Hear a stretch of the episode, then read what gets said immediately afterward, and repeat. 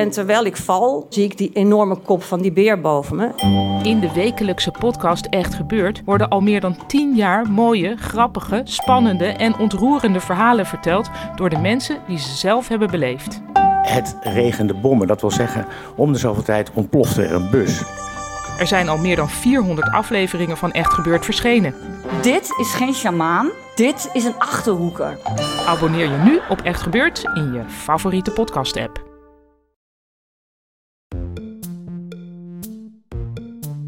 Fijn dat je luistert naar Boeken FM, de literaire podcast van de Groene Amsterdammer en Das Mag. Wil je nooit meer een aflevering van ons missen? Neem dan een abonnement op ons in jouw podcast-app. Zo ben je als eerste op de hoogte als wij weer wat nieuws te vertellen hebben. Wij doen ook vreugdedansjes als we een mooie recensie of gouden sterren van jullie krijgen in jouw podcast-app. En je helpt je medemens omdat wij dan ook beter zichtbaar zijn in hun podcast-apps. Zit je met een vraag of heb je opbouwende kritiek voor ons? Mail dan naar boekenfm.dasmag.nl.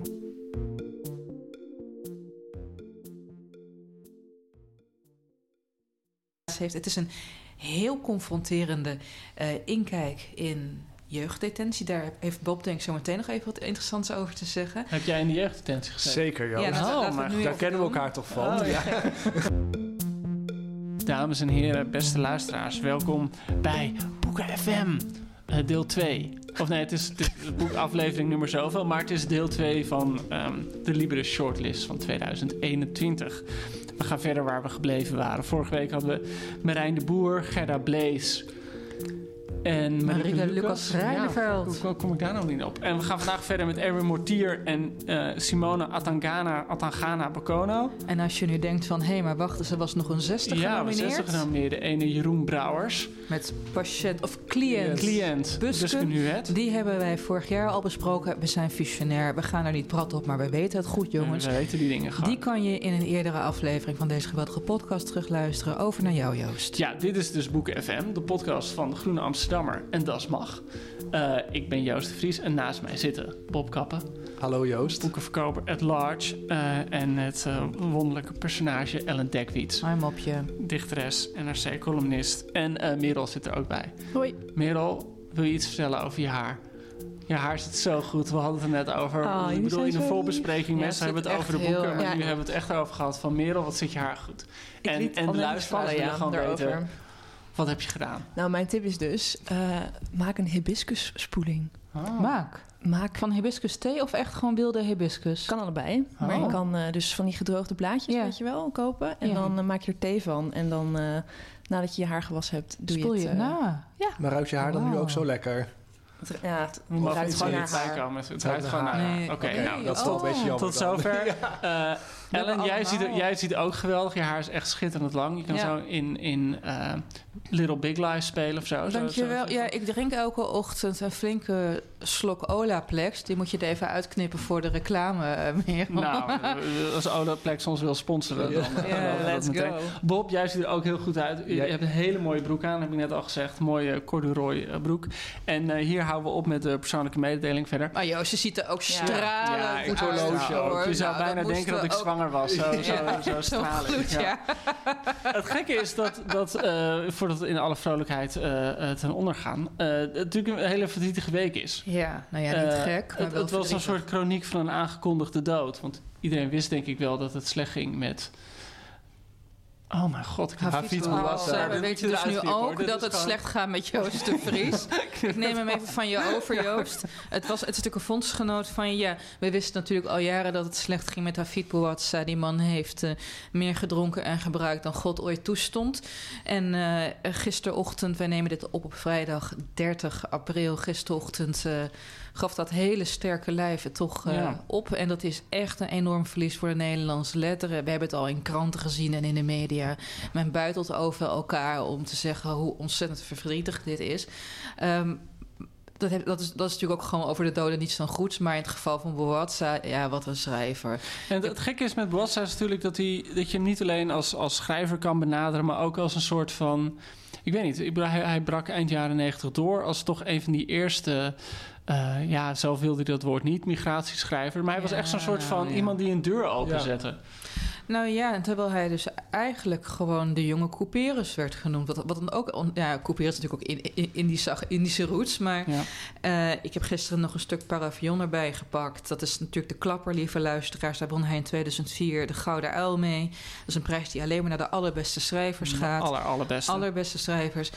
En dat is gewoon magisch. En ik heb gisteren ook nog stukken uit Momo gelezen. Dat is gewoon... Ja, poëzie. Momo vond ik geweldig, Zo, weet ik nog in die dat- tijd. Dat Dan beschrijft hij de blaadjes aan bomen in de, in de, bij, tijdens de zonsondergang als klapperende medailles.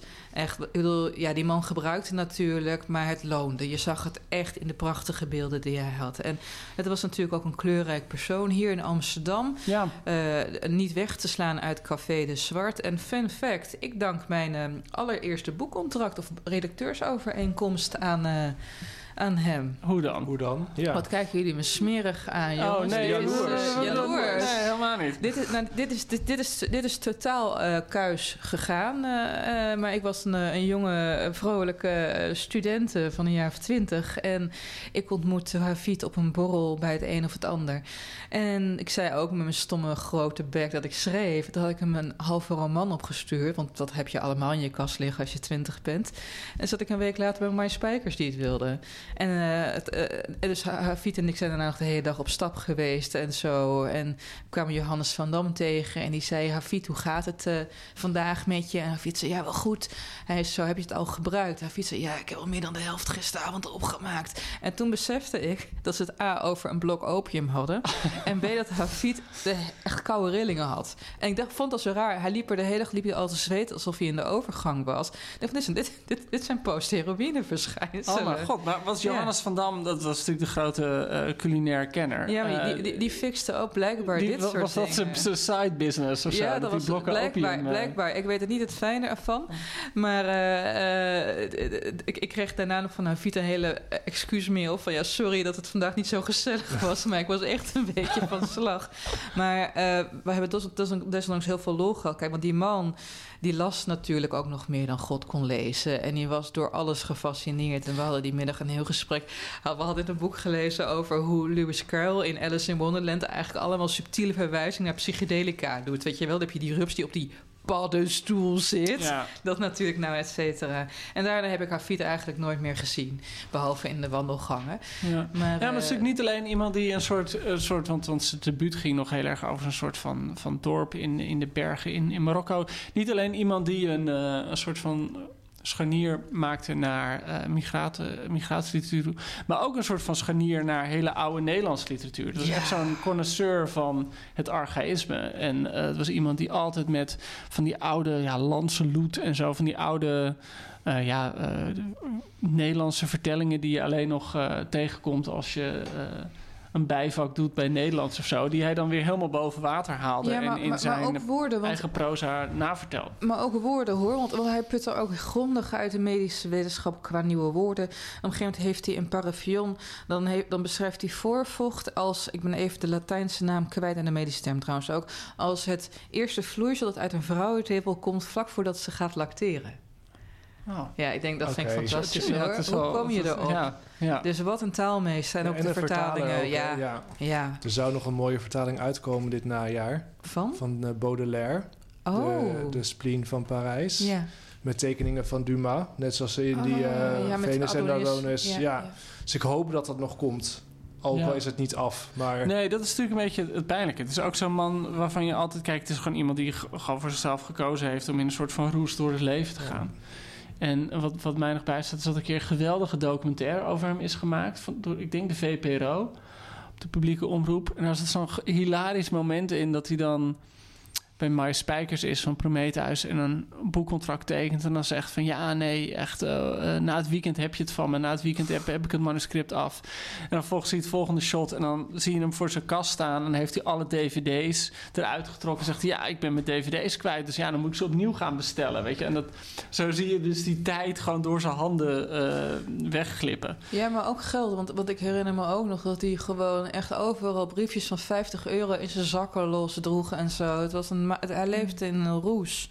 Op elk mogelijk manier. Een, een drugsroes, een levensroes, een geldroes, een seksroes. Was, eh, absintroes. Absintroes. Ja, nee, het is ja. wel iemand die er flink van genoten heeft, inderdaad. Ja, en het ook opnam voor gebruik, Ja. voor verslaving. Maar ja, het is wel jammer. Ehm AFTH werd gisteravond in Met het oog op morgen nog eh, gevraagd over zijn band. En dan zijn herinneringen aan Hafid Bouatzani. Die zei ook van ja, het, het- iemand, iedereen moet zijn eigen leven kunnen leven. Maar het is toch doodzonde dat er niet nog zo'n roman als eh Parafion is Ja. verschenen. En als ik de luisteraars trouwens ook even op, de, op het hart mag drukken, kijk... Lees Momo of Parafion. Ja. Het is zo'n mooi taalspel. Ja, je komt echt iets tegen dat je niet Nee, ergens ja. anders tegenkomt. Nee, het is uniek. Hoe is het met de verkoop gegaan trouwens, Bob? Ja, wel eh, dat, ja, dode auteurs verkopen. Dat, Ja. hoe- mag ik er gewoon eventjes, misschien kun je uit de school klappen. Hoe werkt dat dan bij Atheneum? Denken jullie dan meteen... Bijbestellen. Zien jullie, jullie zien het persbericht en denken jullie dan vlug bijbestellen? Of, Eh, Even eerlijk. Ja, eh, tuurlijk. Ja. Omdat er een run op komt. Dat is, dat, zo werkt het gewoon. Lezers willen dan... Die kennen die naam niet of die kennen die naam wel... maar hebben het boek niet meer. Die willen Ja. dat dan gewoon hebben. Dus ja, zodra dat persbericht komt... En we zijn natuurlijk ook... eh, hij kwam veel bij de Zwart en bij ons. Dus het is ook... Hè, dus er Ja, een veel schrijvers bij ons. winkel, ja, ja. dus wij moeten daar dan iets mee als Atheneum. En we willen daar ook iets mee. Dus het gaat gelijk de etalage in... Met of een foto uit het archief dat hij bij ons signeert. En we bestellen bij. eh, vaak flink stapel, want het gaat ook snel in herdruk dan. Dus dan wil je eigenlijk dat het alleen nog maar bij Atheneum ligt. Zo werkt het ook. Oh. Eh, en ja, nee, ja, dat is eh, zo wel, zo werkt het gewoon. Ja, ook met buitenlandse auteurs hoor. Dus niet alleen maar met eh, klanten die. eh, Nee, het staat me bij vorig jaar toen dat Louise Glick de Nobelprijs... eh, Oh, dat het echt zo'n strop was voor Atheneum. Omdat het niet zomaar leverbaar was. ja, dat is gewoon heel frustrerend. En dat is met dit ook, want eh, alleen eh, Paravion en eh, eh, nog één ander, dat pamflet over de islam is nog leverbaar. Maar we gaan het zo natuurlijk zo meteen over de, over de Libris hebben. En Ja. dan aan het einde van de uitzending gaan we denk ik voorspellen wie hem wint. En wie hem zou moeten winnen. Of wie van de longlist hem zou moeten winnen. Eh, maar dan moet jij ook maar zeggen welk, welke boek voor de boekverkoper het lekkerst is. Want dat, dat is ook gewoon zo'n eindeloos verhaal. Ik moet een keer... Nou, het is natuurlijk ook, eh, volgens mij is hij daar wel redelijk door getraumatiseerd. Maar Yves Petrie, die won toen de, Libris, de Libris. Voor de Maagd Merino. De, de Maagd Merino. En dat is Ja. het, het verhaal inderdaad van de ene man Nom, die een relatie nom, heeft met de andere man. En ook dat ze elkaar, of de een eet de ander op. Ja. Eh, een bizar waar gebeurd eh, verhaal van cannibalisme in Duitsland. En die won toen. En volgens kreeg hij dus van allerlei boekhandelaren die op die Libes uitreiking waren. Van ja, dit boek kan ik gewoon niet verkopen. Dit, dit kan ik niet. Nou goed. Maar ik zo- heb wel eens kwade tongen horen beweren dat het er ook zo aan toe ging in het boekhandelspendel van DWDD destijds. Ja, dat heb ik ook wel eens dat eh, gehoord. verkoopbaarheid een argument was wat soms boven kwaliteit. Ja, dit heb ik echt uit eerste hand. Dat, dat Ah. zeker de, de mensen die eh, een eigen boekhandel hadden... Ja, gewoon zeiden... ja jongens, als dit boek van de maand is... dat kan ik gewoon niet, dat kan ik niet kwijt. vind ik heftig, jongens. Ja, nou ja, goed. wij zijn wel anders, hè? Dat is natuurlijk, wij we zijn wel. ja, van WC eens zijn ja, anders. Wij ja, wij zijn dus we zijn wel echt, het is wel echt een ander soort winkel. Nee, tuurlijk. Dat is, jullie eh, jullie ja. zijn echt... Ik zeg altijd gewoon voor mij...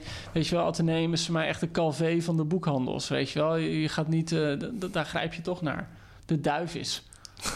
De Coca-Cola. Misschien wel een goede slogan. Mm, Pepsi voor, eh, Max bedoel je? Ja, de Joost? Pepsi Max. Oei, oei, Pepsi. Max, ja. Ja. Oké, dan is het tijd om, eh, laten we nu naar de, de resterende genomineerden voor de Libre Shortlist gaan. Simona Atangana Bokono, geboren in 1991, super jong. Heel irritant altijd als mensen jonger zijn dan, dan, dan, dan jij zelf bent. Ja, maar jullie hebben, al geschreven, jullie hebben al geschreven. Voor mij is het nog irritanter. Ja, oké. ja, En we, ja. we waren toch Oh, jonger ja. dan zij toen we debuteerden. Wat Ja, eh, ja, wij waren inderdaad jonger. Maar als is het- als- 30. ja, ja, Ja. oké. Vind ik heel nee, oké. leeftijd. Goed, fijn dat je, dat je het relativeert. Eh, confrontaties over een 16-jarig meisje, Salome. En het boek begint er meteen mee dat zij gefouilleerd wordt... omdat ze de jeugddetentie ingaat. Wat, wat, wat maakten jullie ervan? Want jij kende haar wel als dichter, neem ik Ja. aan. Want ze heeft wel een keer een debuutbundel gepubliceerd. Ja. De eerste vonken, hoe de eerste vonken zichtbaar waren. Ja, ja, ja. ja, en in die debuutbundel zitten ook stukken proza in de vorm van brieven. En dat, eh, dat, ja, dat eh, was wel vet goed geschreven. Dus eh, ik, was, ik had wel echt een joepie-factor toen ik zag dat zij gelogen en daarna geshortlist werd. Ik had het boek ook liggen. Maar het is natuurlijk ook altijd cadeautjes een boek dat je wilde lezen. Ook een boek dat je moet lezen voor Boeken FM. Ja, ja. Ja, het gaat, eh, het gaat over de 16-jarige eh, Salome, eh, dochter van ouders uit Cameroen, geïmmigreerd. Heeft een ouder zusje, Mirjam. En inderdaad, aan het begin van de roman komt zij terecht in jeugddetentie. Ze wordt in het midden gelaten aanvankelijk waarom ze daar moet zitten. En het boek is eigenlijk een, ja, een coming, nou niet een coming of age, een Nee. coming of crime roman. Want je Ja. ontdekt langzamerhand wat er gebeurd is, maar ook de redenen, de aanloop. Ehm, er, is, er zijn een aantal interessante tegenlichten in die roman. Er wordt namelijk verteld hoe zij te maken krijgt met racisme op haar middelbare school. Tegelijkertijd door haar vader meteen wordt getraind om zich daartegen te kunnen Ja. verweren. Er is een eh, contrastwerking met een asielzoekerscentrum dat in het dorp komt. Dat daarna eigenlijk pas het echte discrimineren Ja. van haar en haar familie plaats heeft. Het is een heel confronterende eh, inkijk in jeugddetentie. Daar heeft Bob denk ik zo meteen nog even wat interessants over te zeggen. Heb jij in de jeugddetentie gezeten? Zeker, Joost. Ja, Oh, maar Daar kennen we elkaar toch van? Oh, ja. Ja. Nee, maar jij vertelde, want zij, zij, eh, in, in deze, deze roman speelt zich voor een groot deel dus af in jeugdgevangenis. Ja. Maar zij heeft er zelf nooit gezeten. Zij heeft daar eh, heel veel onderzoek naar gedaan. Maar jouw familie heeft... Nee, mijn vader heeft eh, eh, nou ja, bijna zijn hele leven in de jeugddetentie gewerkt. Al gewerkt. Ja, dat was een Ja, cliffhanger. en eh, eh, ook met, eh, eerst met eh, jongens eh, en later eh, met meisjes. En dat was wel de reden waarom ik dit oppakte, omdat ik dacht, dit is wel... Nou ja, ik herken die verhalen, maar ik vond het zo ja, je knap. gewoon de verhalen van je vader. Ja, ja. maar ik vond het zo knap gedaan dat het, het, het... Ik hoorde echt alsof mijn... Mijn vader kan niet zo goed schrijven en vertellen... maar ik hoorde hem wel eh, zijn dag beschrijven... over meiden die elkaar constant in de haren vliegen...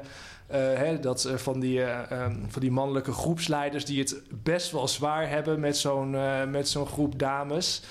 Ik vond dat, dat vond ik echt heel erg knap gedaan. En ik heb het ook nou, ik heb het mijn vader cadeau gegeven. Ja, ben ik wel benieuwd naar. Heeft hij het gelezen? Nee, al? het is Oh. niet zo'n lezer, maar ik hoop toch dat, ik, dat hij dit gaat oppakken. Omdat ik echt denk van, ik ben wel benieuwd of, nou ja, of ik mijn herkenning in zijn verhalen... of hij ook nou, zijn werk weer terug herkent. En dat was... eh, dat vond, dat vond ik gewoon wel... Ik, ik denk dat dat heel knap gedaan is. Maar goed, ik heb er niet zelf gewerkt. Dus het is natuurlijk ook eh, weer Nee, via maar die, die, via. kille, die kille sfeer, de Ja. dagen die uit elkaar aan elkaar hangen van op je kamer zitten, rubberen zeil en de constante spanning in de eetzaal, wie nu weer wie te gaat gaat nemen, Ja. nemen of wie nu weer klapt.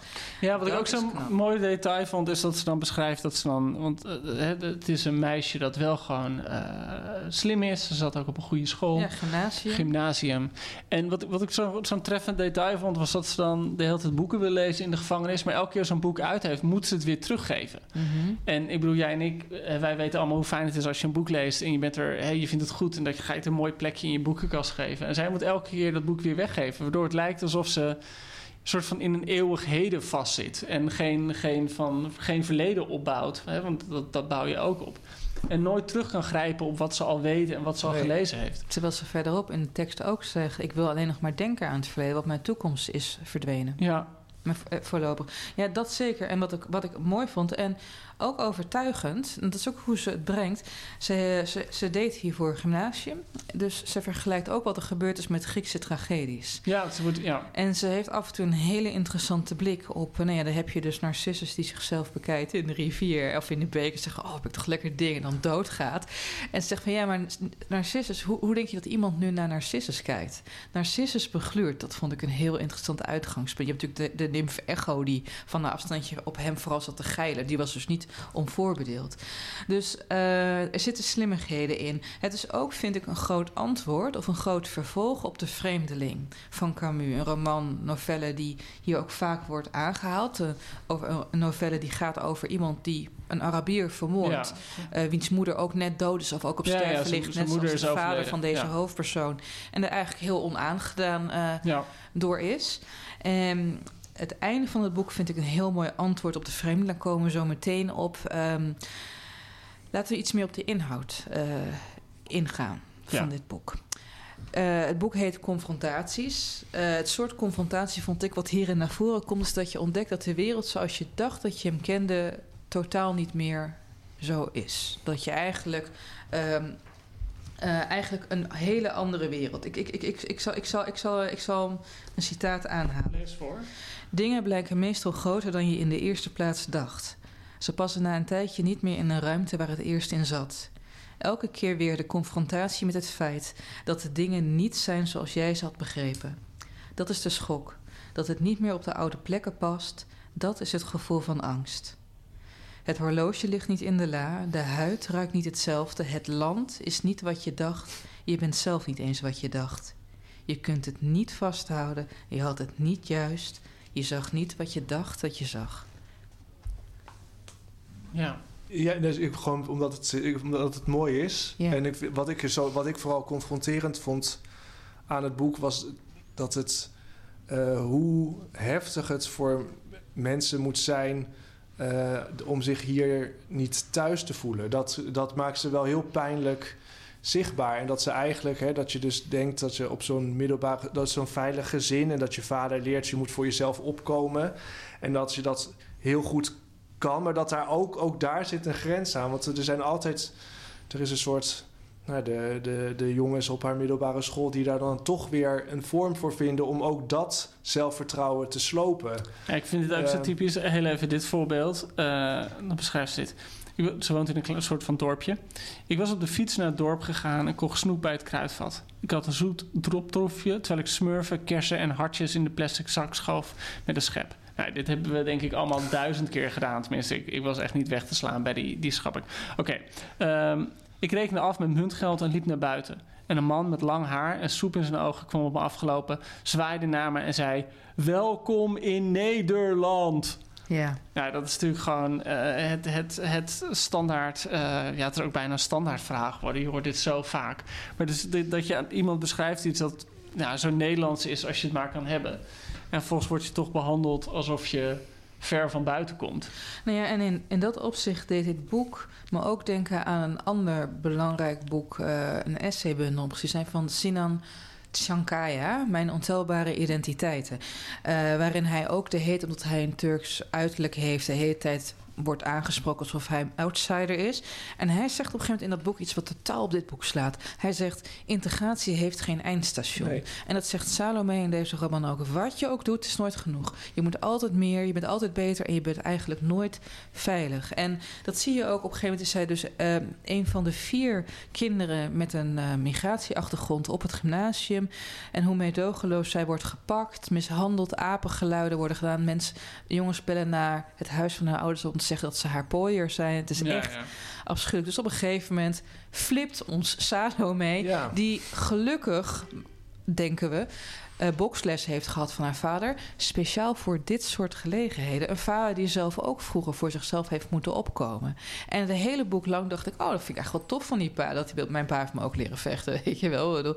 Eh, en pas aan het einde van het boek zegt iemand tegen, die, zegt iemand tegen haar van... ja, wat heb je voor vader als die niet gewoon met de mentor gaat praten wanneer jij wordt gepest? Dat hij zegt van, eh, nee, ik geef Ja, hier beuken. Ja. Ja.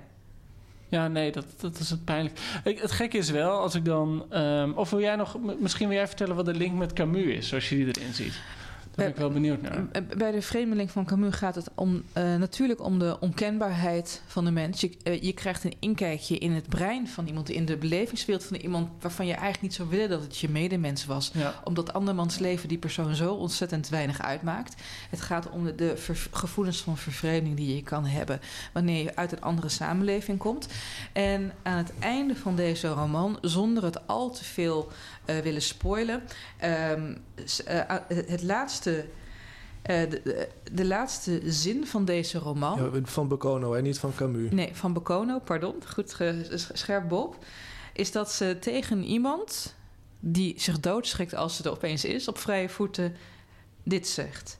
Mijn naam is Salome, zeg ik. Salome Henriette Constance Attabon. Dat ben ik. Dus van een vreemdeling wordt zij iemand. Zij wordt de naam, zij wordt kenbaar. En ik vond dat echt een heel krachtig slotakkoord. Hoe is haar poëzie? Want dat, dat was een van de dingen... eh, nu ga ik een kritische noot inbrengen. Ja. Ehm, ik, hebben, al kijk je naar andere boeken op de, op de lijst, weet je we hebben het zo meteen over Mortier of Mhm. over Marieke Lucas. Dat zijn boeken die leven echt van de taal. Ja, ja. Ik vond hier de taal heel vlak eigenlijk. Om niet te zeggen eh, soms een beetje. Ik bedoel, ze, ze, ze, ze weet heel goed dat dat binnenleven van zo'n 16-jarig meisje te pakken hoor. Heb ik het idee. In de taal. Maar ik vond het wel heel recht toe, recht aan. Ja, eh, dat, dat, dat snap En ik. meestal heb je namelijk, eh, dat is natuurlijk ook voor jou de uitdaging, Ellen. Dat, dat, het cliché is natuurlijk altijd dat de dichter dan een soort van overdreven poëtische proza gaat schrijven. Maar hier mis ik wel, mis ik toch wel echt een beetje de, de vondsten en de, de leuke, de, de eigen manieren om iets te vertellen. Ja, maar Joost, laat ik even. eh, Hoe irritant zou dit boek zijn als het vol bloemrijke mee. Kijk, haar poëzie is, is veel eh, is, is, is beeldender, heeft, eh, heeft sterkere vergelijkingen, metaforen. Maar dat is, dat is niet de taal van Salome, dat is de taal van Simone. Ja, Hier heeft ze, heeft ze gefocaliseerd, heeft ze een meisje gefocaliseerd. Als ze dat meisje een te sterke eigen poëtische stem had meegegeven, wordt het ongeloofwaardig. wordt of Ja. ongeloofwaardig of extreem geforceerd. Daar komen we trouwens zo meteen denk ik wel even op in het bespreken van het boek van Erwin Mortier. En ehm, ik denk dat dit boek, ook hoe wordt uitgelegd, op een gegeven moment houdt, ze- haalt Salome in navolging van haar, dat is ook heel grappig, ze heeft een tante, tante Celeste, die opeens met een hele rijke kerel trouwt en daarop, daardoor weer kan studeren. Die gaat filosofie studeren, die heeft alleen maar mond vol met termen als neocolonialisme, het patriarchaat, weet je. En zij is eigenlijk, wordt een beetje, wordt, wordt ze belachelijk gemaakt. Ehm, maar die zegt op een gegeven moment wel heel straf van... er zijn altijd structuren en de structuren zijn tegen jou. Omdat je nu bent, je bent een vrouw, je bent zwart... je hebt een migratieachtergrond. Het is eigenlijk... Jullie hebben allemaal de Hunger Games gekeken, lieve luisteraars. May the odds be ever in your favor. Nou, deze structuren, Ja. die odds zijn niet in haar favor. En ehm, ik denk dat als je hier een ontzettend... Je, de ene, het enige excuus dat ze zou hebben gehad, denk ik, om hier een heel erg poëtische taal van te maken, eh, is dat je het zou kunnen inzetten als een schild van woorden, van metaforen voor een hele agressieve buitenwereld. Maar zij heeft er denk ik bewust voor gekozen. Bewust, eh. ja nee, ik vind deze keuze tuurlijk. spreekt mij meer aan. Ja. Ja. Ja. Nou ja, ik weet niet. Maar voor mij was het wel dat ik het op... Ja, ik, ja zo flauw om op zinsniveau doorheen te gaan of zo. Nou, doe maar, het, het. Het, het was wel de stijl. En die stijl zit niet alleen in beeldende metafoor hoor. En misschien maak ik een beetje een cliché van dat de dichter zo zou moeten schrijven. Maar ik vond de stijl daardoor wel echt een beetje... mm, ja, gewo- gewoontjes eigenlijk. Ja. En dat is eigenlijk, en dan ga ik meteen naar mijn andere kritische punten. Dan moeten jullie me wel vergeven gewoon. Het punt is, ik heb ook eh, mijn ontelbare identiteiten van Sinan Sinkaya gelezen. En eh, natuurlijk sowieso heel veel. eh, ik bedoel, je moet blind zijn. Maar bij De Groen hebben we heel veel essays over racisme gehad. Heel veel onderzoeken naar racisme gedaan. De kranten staan sowieso veel voor, voorbeeld van. Dat gewoon zo'n voorbeeld van welkom in Nederland. Dat ik echt denk van ja, oké, dat is wel ik twijfel niet aan dat je mensen dit de hele tijd meemaken. Maar dan is het bijna te saai om dat in een roman te gebruiken. Dus ik vond het soms ook wel heel voor de hand liggend op dat, op dat gebied. Oké. Ja, ik vond... Oh, wacht, dit is Merel. Merel heeft Oh, het ja. al gelezen. God, Jee, ik hou altijd mijn hart Merel. vast op het moment ik- dat Merel iets zegt. Ja, dan is het ja. altijd zo van... Ik zie ook een Ik ben gewoon zo gericht op, op Bob en Ellen. En dan Ja. opeens zo uit je blinde hoek... Een extra komt gewoon komt opeens een auto binnenrijden. En dat is dan Merel. Ja, nou wat ik wel heel eh, wel origineel gevonden was, was eh, Frits. Ja. Frits, die, eh, en Frits is eigenlijk haar ja, begeleider in de jeugd. Maatschappelijke ja, werker. maatschappelijk Ja. werker, denk Ja. ik. En ehm, als ze Frits voor het eerst ziet, denkt ze... You must be kidding me. Dit is niet waar, want ze herkent hem uit een tv-programma. En dat tv-programma is gebaseerd op een tv-programma dat ook echt op de televisie geweest is. En ik eh, weet niet precies eh, hoe ze het nou noemt. Hello Jungle of zo? Zoiets. Of- Eh, het is in ieder geval gebaseerd op, Op Groeten uit de. Rimboe. Oh, die, ja. ja. Hebben jullie dat vroeger gezien? Nee. op de Ja, wel vaag bekend voor, die naam inderdaad. Was het erg? Het was, ja, maar op, de, op zo'n... Ik moet heel eerlijk zeggen dat toen... Ik weet niet precies meer eh, wat mijn reactie daarop was. Maar ik heb denk ik toen niet gedacht... Holy shit, dit is echt heel erg fout en heel erg racistisch. Racistisch. Ehm, maar wat er dus in Groeten uit de Rimbo eigenlijk gebeurt... is dat er ehm, witte Nederlanders... Oh, naar, dat programma, nou weet ik het weer. Oh, oh die naar, hele familie. eh, eh, Ja, ja. naar bepaalde Afrikaanse landen ja, worden naar, gestuurd. naar en dan, en, ja, precies. ja, Ja. Ja. En dan daar ehm, mee gaan doen met eh, bepaalde stammen die daar leven. Ja, ook met die klededracht. met en, de klederdracht. En ze eigenlijk gewoon totaal belachelijk gaan maken. En er is dan ook eh, volgens mij wordt het niet vertaald. Of er is in ieder geval iets met de taal. Dat het dus ook niet. Ze, ze kunnen niet praten met elkaar. Nee. Ja, Ja, er is precies. geen tolk. Dus Er is er geen is, tolk, ja, er ja. is geen tolk. Dus er, het is gewoon totale. Ja. Eh, Echt niet oké. Nee, het is gewoon echt totaal niet. Nee, het is echt niet oké. En zij ziet Frits en zij denkt: Oh mijn god, jij hebt meegedaan met het programma. Je bent gewoon een vieze, vuile racist, zeg maar. En dat is eigenlijk het eerste wat er gebeurt als zij in dat, eh, in dat, in dat centrum komt, in dat jeugddetentiecentrum. En ik vond dat heel goed gevonden, want ik dacht: Oké, dus eh, hoe gaat dit nu verder? Want zij moet ook in therapie met hem, weet je wel. Het moet heel Ja. erg close worden. En hij is eigenlijk al vanaf het begin dat hij meteen zegt van... ja, maar ik ben geen racist. Ja. En dan hoor je die deur in het slot vallen. Ja. Ja. Dus wat vonden jullie daarvan? Vonden jullie dat... Ja, vond ik heel slim gevonden. Maar ook eh, eh, even kudo's voor de opbouw van deze roman. Want je loopt de hele tijd als lezer achter de feiten aan. Je weet, wat is Ja. er gebeurd? Wie is Frits? Hoe gaat het met haar ontsporende zusje Mirjam ondertussen verder?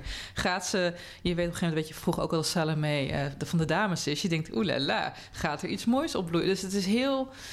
Nee, dat vond ik interessant. En ook Merel, want je, je verwacht heel even zo'n... dat je denkt, nou, misschien komt er zo'n goodwill hunting vibe, weet je wel? Tussen dan Frits, die dan toch een soort Robin Williams blijkt te zijn enerzijds... en Salome, die een goodwill hunting anderzijds. Dat komt dus toch niet. Nee. Nee, nee, je verwacht dat ze dan op zo'n brave manier naar elkaar Ja. toe groeien Ja. en elkaar in de ogen kijken en elkaar begrijpen of zo. Ja, dat, dat, dat zou te zoet zijn geweest. Ja. Maar goed, eh, ik vond het... ehm, eh, en dan ook, ook gewoon op stijlniveau... eh, ik vond het echt een hele goede roman. Ik, ehm, ik zat er helemaal in. Ik kon ook niet wachten met doorlezen. Ik heb hele drukke weken, maar dit was echt zo... yes, ik ga weer doorlezen. Eh, de stijl, Joost, snap ik. Je had misschien meer verwacht. Eh daartegenover, wanneer mensen proberen om te focaliseren vanuit een 16-jarige... eh, er wordt geen blunder gemaakt. Er is, niet, er is geen geforceerde jeugdtaal. Nee, ik nee, vond de nee. dialogen uitzonderlijk overtuigend. Eh, De, misschien wel de overtuigendste dialogen uit een debuut in lange tijd. Ik geloof het totaal. Nee, dat is wel misschien ook. Want we, vorige keer hadden we het natuurlijk over Marieke Lucas bijvoorbeeld. Daar vond ik de taal niet per se passen bij de karakters. Eh, en dat staat me dan toch echt meer tegen dan eh, wanneer de taal misschien niet zo eh, verfrissend, vernieuwend of eh, eh, een beetje wannabe is. Ik vond dit, ja, ik, het klopte voor mijn gevoel gewoon heel Ja, erg. ja, weet ik wel. Ben ik wel met je eens. Ja, ik maar heb toch, maar twee kromme zinnen uit deze roman gehaald. Uit een mede andere hakfilm. Maar goed, met stijl bedoel ik niet per se alleen zinnen. Ik bedoel Nee, nee, ook ik- gewoon ja. hoe vertel je een scène. Gewoon Ja. hoe bouw je een hoofdstukje op. Eh, daar vond ik gewoon heel weinig... Ik, ik vond er zelf weinig verrassende dingen in zitten. En dan, ja, ik bedoel, ik vond dat ze heel veel goede details had. Heel veel goede voorbeelden.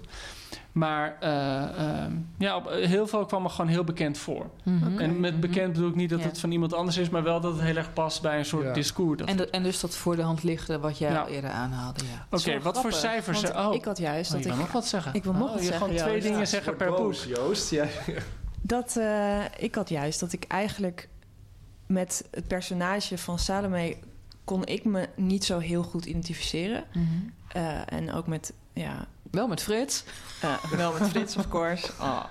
Ehm, maar de, de, de, de, de situaties die ze beschrijft, dus eh, ehm, uit het gezin van vroeger en dat ze dan naar Cameroen ging en ehm, van het jeugddetentiecentrum, dat vond ik heel, heel sterk. En ook de omgeving. Dus ik had Ja. eigenlijk een beetje andersom. Oké.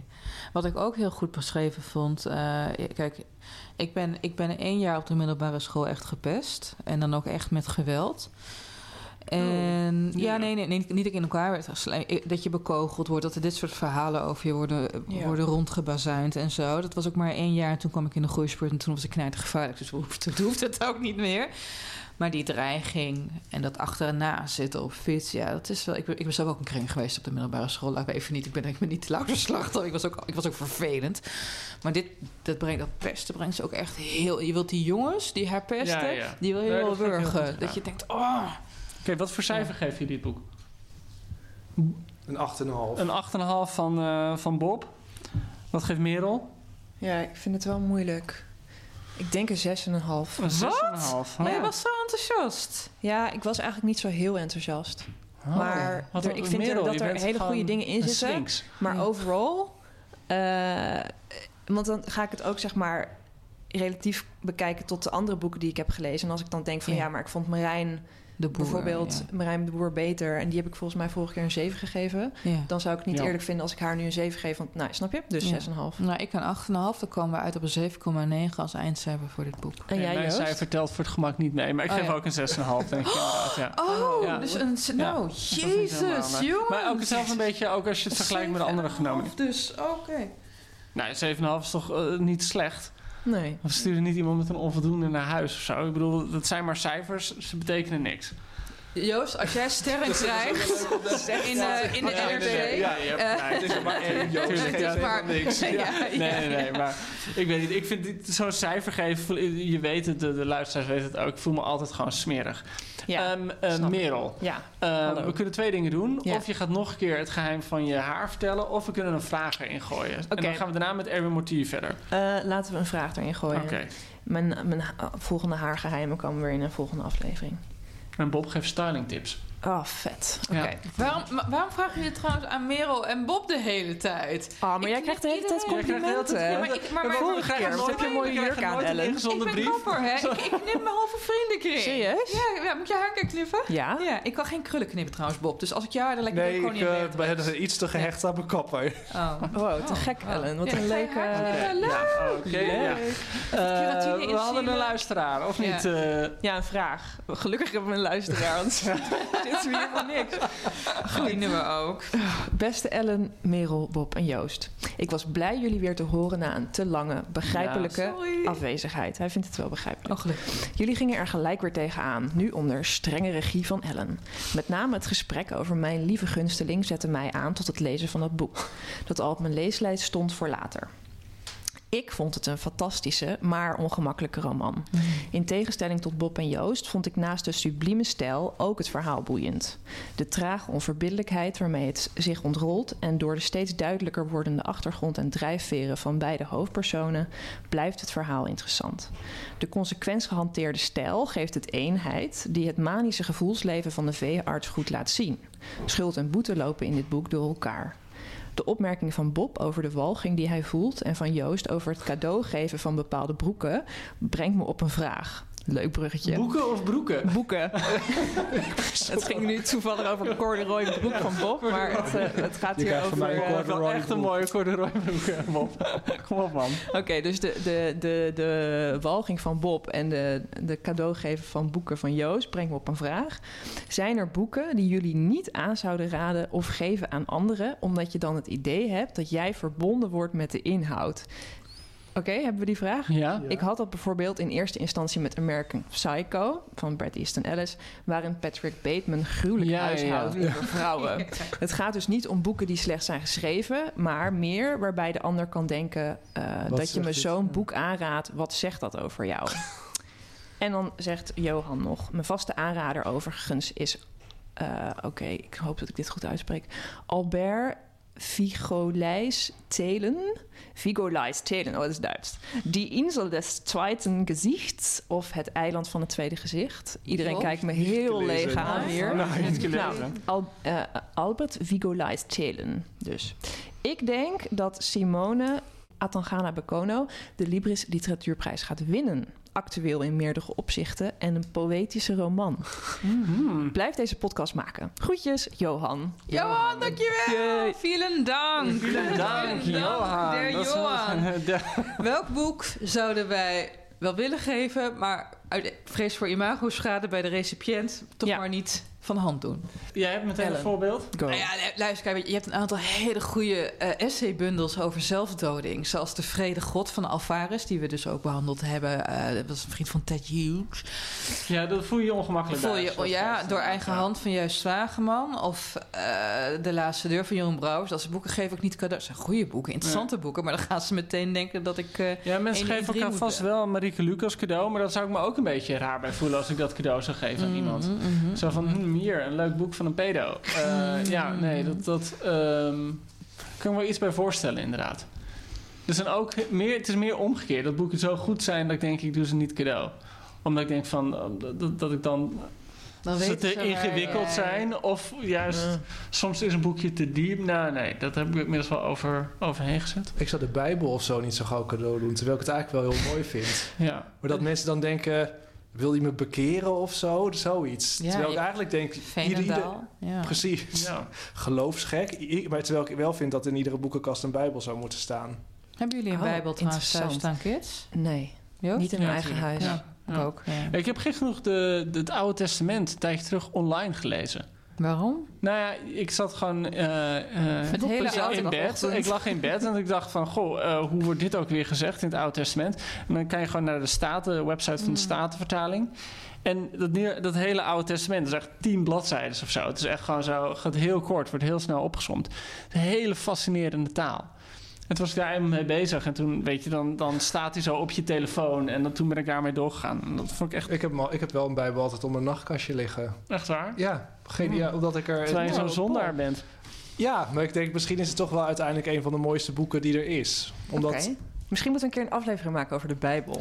En dan een cijfer geven. En dan een cijfer er geven, ja. eh, ik heb toch dat, dat als je Matthäus naast Lucas zet, ja, weet je wel. Er ja, is veel is- herhaling hoor, het Nieuwe Er Testament. komt, een nieuwe, er komt een nieuwe Bijbelvertaling eh, dit jaar. En er, komt, eh, er komen Oh, is twee dat- speciale edities. Want je bij, natuurlijk eh, dat hele debat in de Bijbel of hij met een hoofdletter Ja. moest worden Ja. geschreven. Grappig. En of dat patriarchaal zou zijn. Ja. Terwijl ik echt denk, ja, als God al niet meer patriarchaal mag zijn, dan, mag, dan is niks het nog. Maar even terug naar de vraag van Ja. Er zijn ook bundels van eh Marike Jonkman. Eh, dat is een pseudoniem van Anton van der Ent, als ik me niet vergis. Dat wordt geschreven vanuit een jonge vrouw die alleen maar vernietiging wil. Ja. Die dus ook zegt van yes, ik heb weer een miskraam gehad. Oh. Of wanneer ze in verwachting is zichzelf door de kop schiet. En het is zo taboe, maar het is echt, het is fantastisch. Maar dat geef je niet cadeau. Nee. Ja, of, of je gaat niet Sioran Nee. aan iemand geven of zo, weet je wel. Dat, dat is ook zo'n lekkere, de, de Franse filosoof van eh, het leven is vreselijk. Dat, terwijl het heel grappig is om te lezen. Maar geef je Wellebeck dan bijvoorbeeld wel cadeau? Hmm. Goeie. Hmm. Want die is ook Ja, maar het, gekke is, ik had, ik had vorige week nog met een stagiair hier op De Groene... die vroeg aan me, welke Wellebeck moet ik nou lezen? Want Wellebeck is dan wel weer zo'n schrijver... waarbij denk ik heel veel mensen het gevoel hebben... dat moet ik een keer lezen, dat moet ik een keer proberen. Dus toen heb ik eindeloos met haar gepraat van... nou, ga dan maar die lezen. En ja, dan dirigeer je u, oh ja, ongetwijfeld iemand naar een boek toe... met alleen maar nare seks en heel veel moslimhaat of, of weet ik veel wat... Eh, dus, maar dat is inderdaad niet een boek dat ik cadeau zou doen, inderdaad, platform. Ik zat nog te denken aan een klein leven. En dat is niet omdat het iets over mij zegt, maar omdat het gewoon zo hartverscheurend is. Ja, Dat ik het, ik vond het, Ja, ja, dat vond jij. Ik vond dat niet. Maar Wat omdat een het draak. gewoon. Wat een draak. Echt, Ja, ik kon er echt van, ik ik heb echt genoten ik ben een slachtoffer. Hoi, ben ik. Ja, nee, ik vond het. Ik heb zo gehuild, Merel.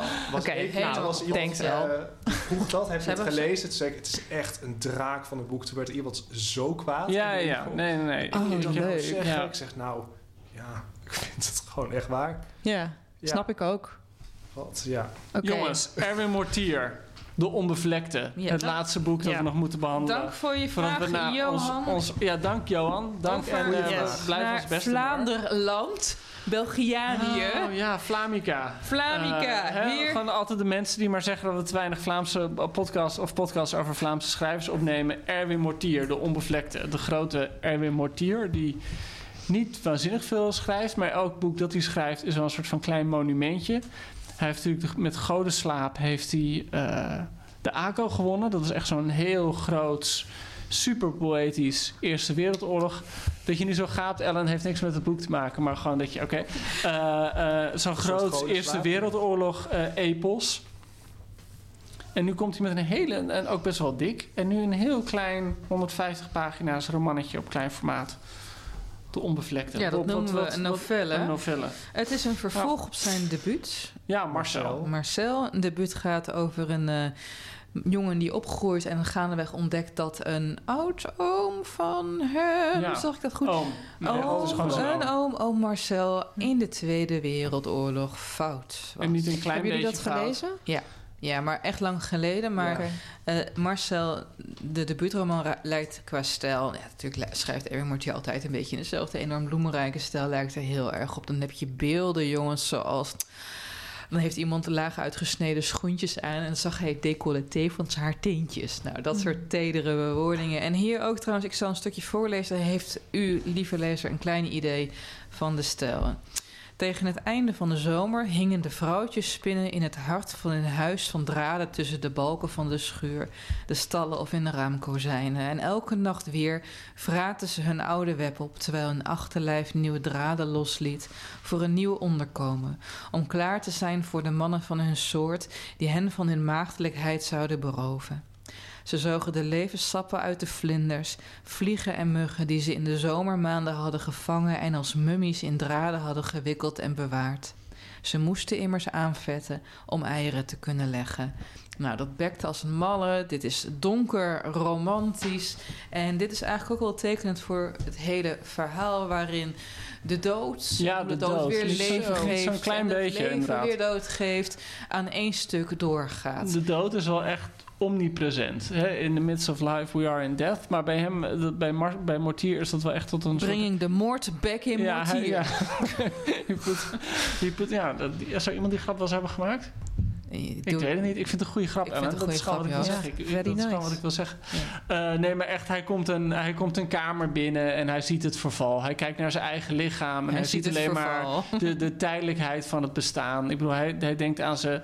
Hè, dat, dat schrijft hij op een gegeven moment dat bijna al zijn familie inmiddels eh, gras op hun buik hebben groeien. Het, eh, hij bezoekt begraafplaatsen. Het is... eh, Foto's die verdwijnen uit, eh, van, de, van de planken, dat vond ik ook zo mooi.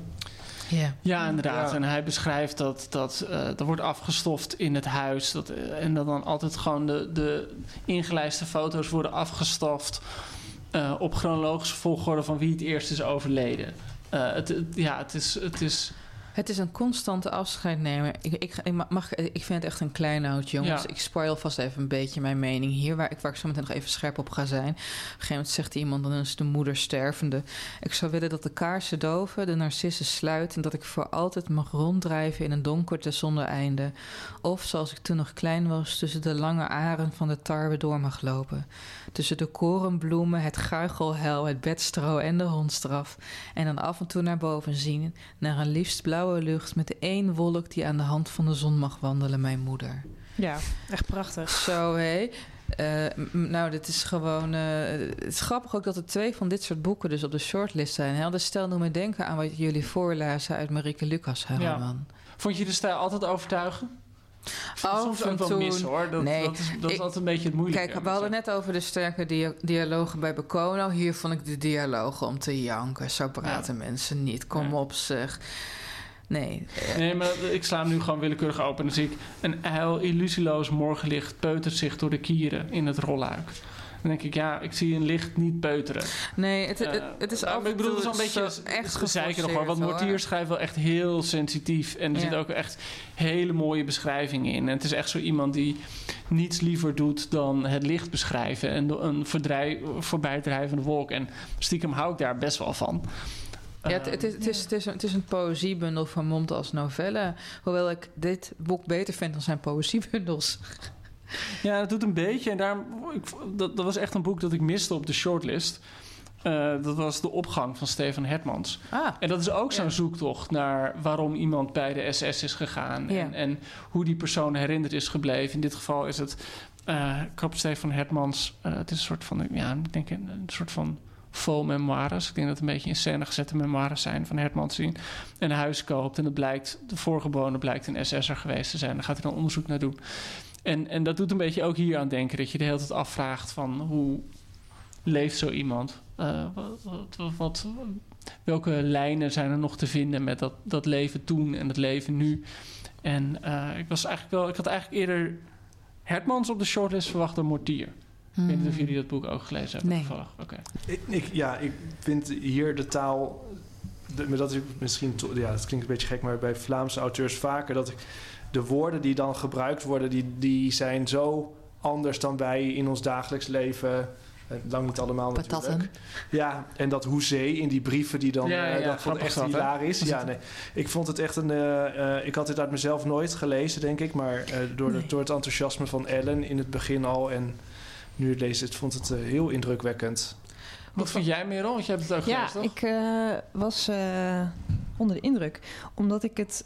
ehm, eigenlijk, het is heel dens, maar er zit heel veel in. Ja. En het wordt... dance bedoel je, het is heel geconcentreerd. Ja. Ja, oké. ja. Ja, en eh, er wordt ook eh, geschreven vanuit verschillende perspectieven. Dus er worden verschillende tijden beschreven, Ja. eh, verschillende Personages. personages. beschreven. Er wordt ook nog in stijl geswitcht tussen eh, roman en eh, brieven. Ja.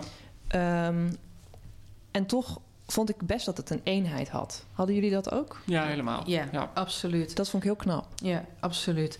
Ehm, je, je, je maakt in deze roman ook weer kennis met Andrea, de zus van Marcel uit de debuutroman en de oudste of de tante van de hoofdpersoon.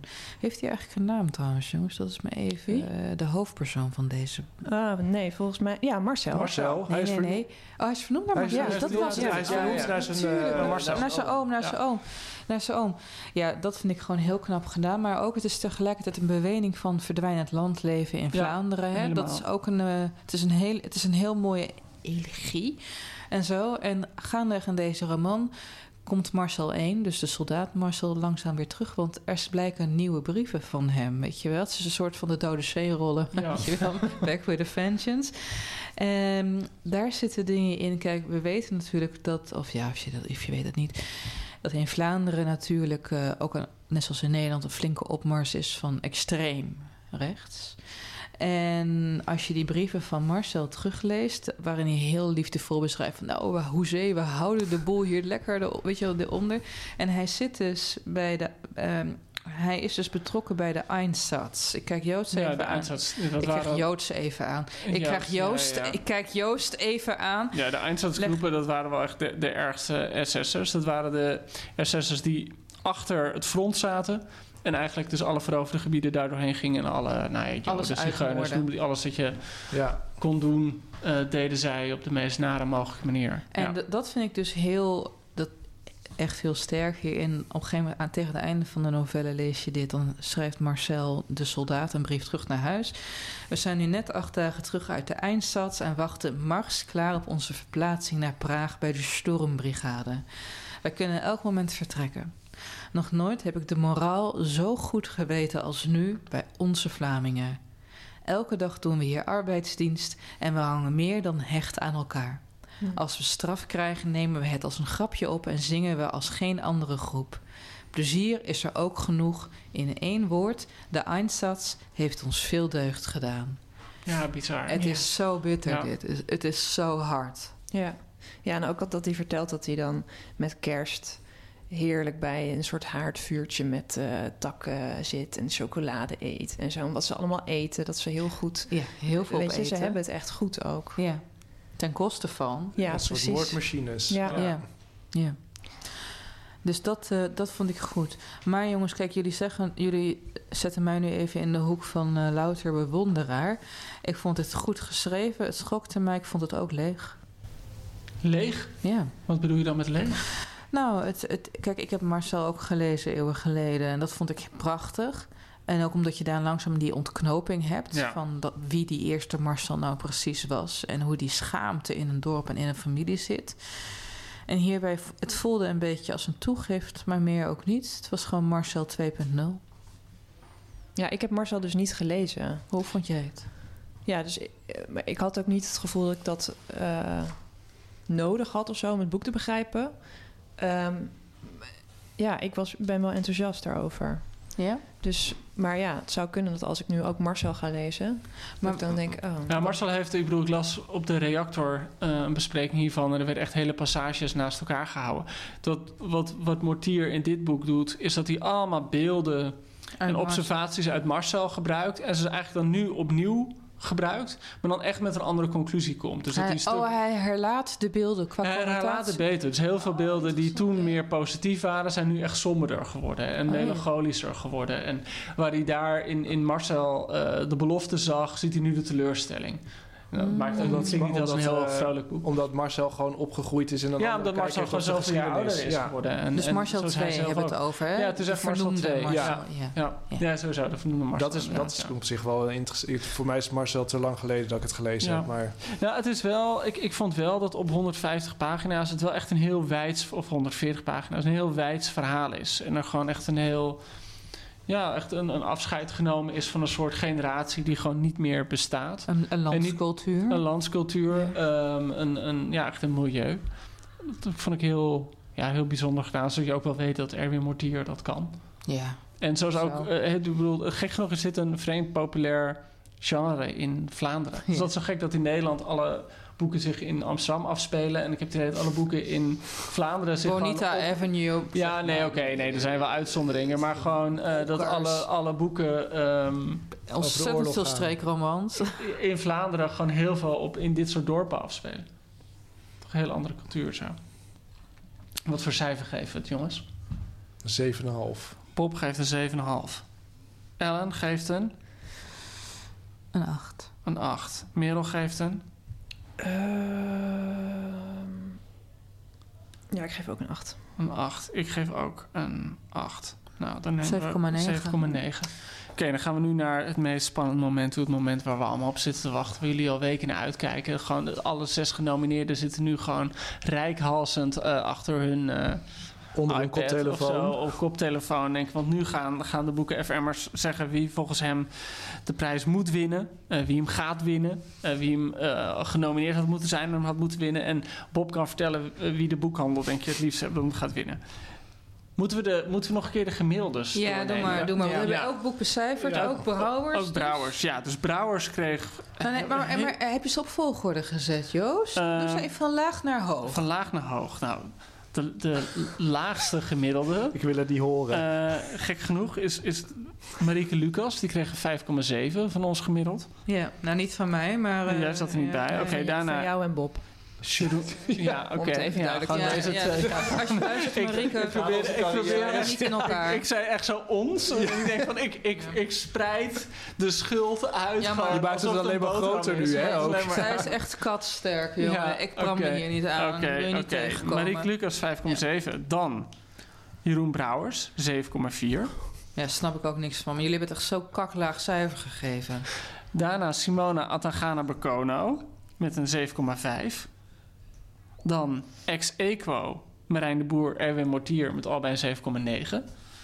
En eh, gaat de eerste plek met een 8,3 eh Lees Blaze. Gerda Hey. Blaze. Credit. Nee, oké, sorry. Dat was een grap die. Ellen van die Merel net maakte. Sorry. Ja, sorry. Lees Blaze. Prachtig slogan. Dus, dus op basis van onze cijfers scoort Gerda Blaze eh, met... wij zijn het licht. Wij Het zijn licht. Wij zijn licht. Wij zijn licht. Ja, Ja, licht, van ja. vorig Ja, jaar. eh, dat het boek dan- nog helemaal. Eh, eh, wij zijn licht. Het hoogst. Het hoogst, ja. Maar- Maar gaat die ook winnen? Dat is altijd een vraag. Net als met de Oscars heb je altijd who will win en who should who win. should win. Ik Nou. lees die dingen altijd eindeloos. Ja, ja, nou eigenlijk met, met... Laten we dat even per persoon beantwoorden, Joost. Who will win en who will shoot? La, laat me overnieuw. Ja. Zullen we het even met deze mensen doen, Joost? Ja. Who will win en who should win? Who should win, ja. Ik vind het fascinerend. Ik vind het moeilijk. Ik ben er ook niet helemaal uit. Eh, kijk, wel natuurlijk een jury die best wel een soort van uitgesproken keuze maakte. Misschien moeten we even zeggen wie er in de jury zit. Nou, de voorzitter is Liliane Ploemen, die weten wel. Maar Merel, wie zit er dan nog meer in? Nou, de jury bestaat verder uit Judith IJsselin, Oh ja, van de NRC. literair recensent van het NRC. Johan Frets, eh, auteur. Maarten Mol, auteur en literair recensent van En het Parool. goede dichter trouwens. Heeft een hele mooie Oeh. bundel geschreven over zijn vader. Maar ga door. Oké. Yves Tjoen, hoogleraar, hoogleraar, ja. moderne Nederlandse literatuur aan de Universiteit Gent. Hmm. Ja, was, ze had natuurlijk een best wel uitgesproken keuze. Dat ze bijvoorbeeld eh, Esther Gerritsen niet op de longlist hadden. Dat, Pieter dat- Waterdrinker Pieter niet op Waterdrinker niet, dat eh, toch wel echt hele opvallende boeken waren. boeken waren van grote auteurs. Daarnaast hadden ze heel veel ehm ja, memoirachtige romans. Ook boeken waarvan gezegd werd, die, dit zijn helemaal geen romans. Uh, Roel de Jong was genomineerd met Jaguarman. Cindy Ja. Hoedmer. En dat, ja, die kun je toch volgens mij... Roel de Jong kun je echt geen roman noemen. Terwijl de Liebe is alleen voor romances. Dus dat was wel voor mijn gevoel... dat de jury duidelijk een keuze wilde maken van... wij zijn boeken, we zoeken boeken... die volgens mij dicht tegen de werkelijkheid aanzitten. Hadden jullie ook niet een beetje zo'n gevoel? Nou, ik had met een, ik had een ijzige stilte. Ja, ja. Oké. ehm, eh, dus ik had wel het gevoel dat de jury zoek naar, zocht op de longlist in ieder geval zeker naar boeken die een, een groter maatschappelijk engagement hadden. Op de Ja, shortlist is dat wat minder misschien, maar... ehm, Nou, dat, dat, dat vind ik niet. Het is totaal geëngageerd, die boeken. Hebben Mortier, oorlogsengagement, Atanga, eh, Atanga Kono. Eh, racisme, misbruik in het geval van Marieke Lucas. Sectes in het geval van Blaze en de boer. En de boer, ja. ja. En de ouderenzorg van, eh van Brouwers. Dus, Oh ja, ja. ehm, ja. Oké Bob, wie denk je dat, wie denk je dat, dat ze hem gaan geven? Kijk, dat is voor als je zo de vraag stelt. Dan hoef je Ik denk Marieke geven. Lucas. Ja. En jij?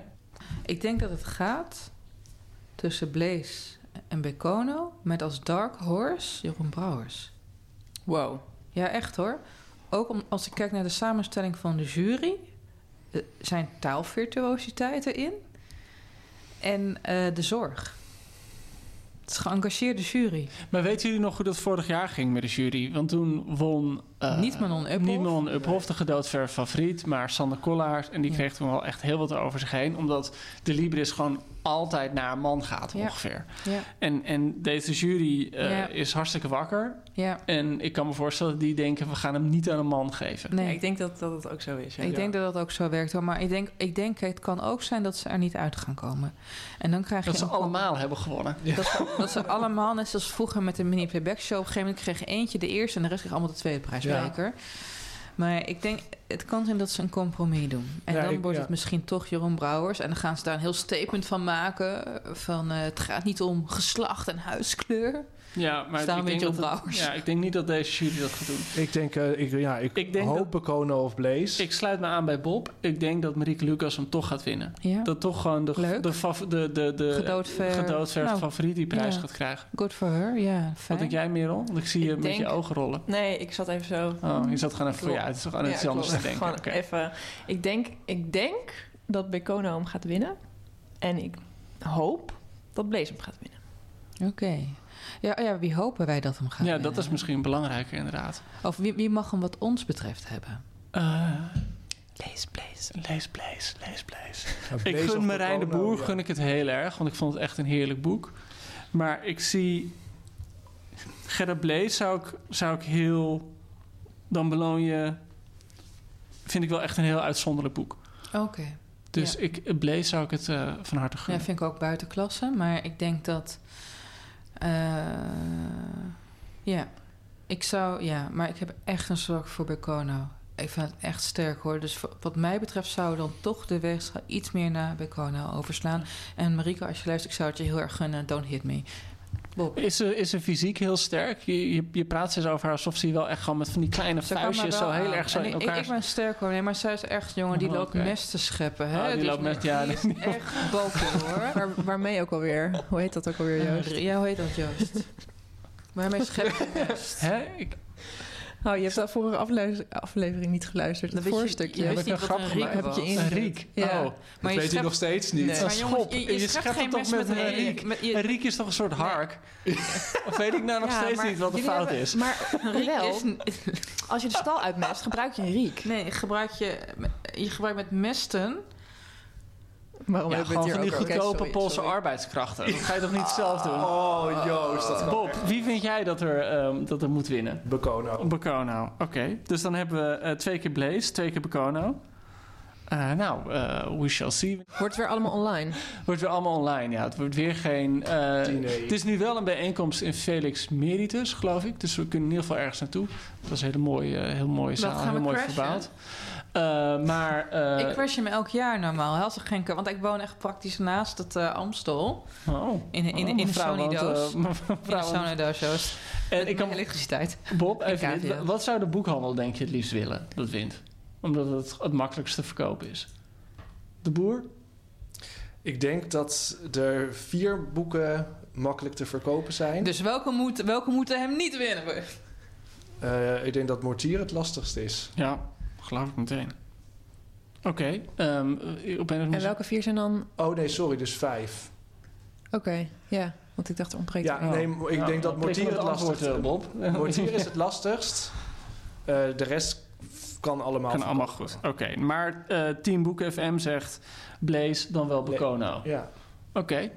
Ja. Nou, kunnen we mee leven. Dank voor het luisteren, lieve, lieve luisteraars. Ja, dank. Eh eh Merel, dankjewel. Graag Fijn dat je altijd meeleest. Ja. En eh, nou, we gaan allemaal die, eh, die eh, geweldige deze. saus voor ons haar uitproberen. Hibiscus, ja. Hibiscus eh, Ja. saus. Ellen, ik zie het snel weer. Ja. Bob, dankjewel. Joost, Moeten we niet ja, een ook Boek. FM eh, literatuurprijs gaan, eh, gaan oprichten? Oh, Boek FM, dat wij allemaal 10.000 euro de man inleggen vanuit ons eigen geld. Nou, ik weet niet of we hier... Elk Ja. jaar een oude Wel een goed idee. Ja, maar weet je hoe kutveel je moet lezen dan? Ja, dat is waar. Ja. zin Oh ja, dat is waar. Oké, geen zin in. We houden er helemaal niet van lezen. Nee, nee, Nee. dat is echt gewoon... We doen deze podcast alleen omdat het zo'n gat in de markt is. Dus helemaal Ja, we zwemmen in binnenlopen met de reclames. Oké jongens, tot volgende week. We zullen er sneller Volgende weer week? zijn. Ja, volgende week weet ik wel. Gewoon, we zijn er gewoon binnenkort weer. Oké. En proberen sneller te zijn dan de vorige keer. Want Hebben we volgende keer, volgende keer een mystery guest? we hebben een mystery guest. Ja, we hebben een mystery guest. Nou, dat is ook leuk. We gaan nog niet zeggen laat aan. waarover. Maar kunnen we, kunnen we een tipje van de luier oplichten? Wie gaan- wordt de mystery guest? hij heeft... Oh, oeps. het is een jongen. Oh, hij. Oh. Hij Hij- heeft... ja? eh, eh, Ik ben heel benieuwd. Wat... Ah, dit wordt heel spannend. voor de Ja, Die zit nu oh, echt op het eh. puntje van zijn stoel. Ehm, ehm, hij is heel, bek- hij is heel bekend. Twee hele dikke boeken. Hij heeft twee hele dikke boeken geschreven die heel goed zijn ontvangen. Hij is gedropt in deze aflevering. Ja. Is hij gedropt? oh, is hij Ja, gedropt? Oké, meer zeggen we niet. Ja, meer hij zeggen we niet. gedropt in hij is deze gedropt. aflevering. En hij Jongens, luistert trouwens altijd. Ja, altijd. Nou, dan moet het Jeroen Brouwers wel zijn. Oké, Ja, eh, ja. Oké, jongens, tot snel dan. Dankjewel. Doei. Doei.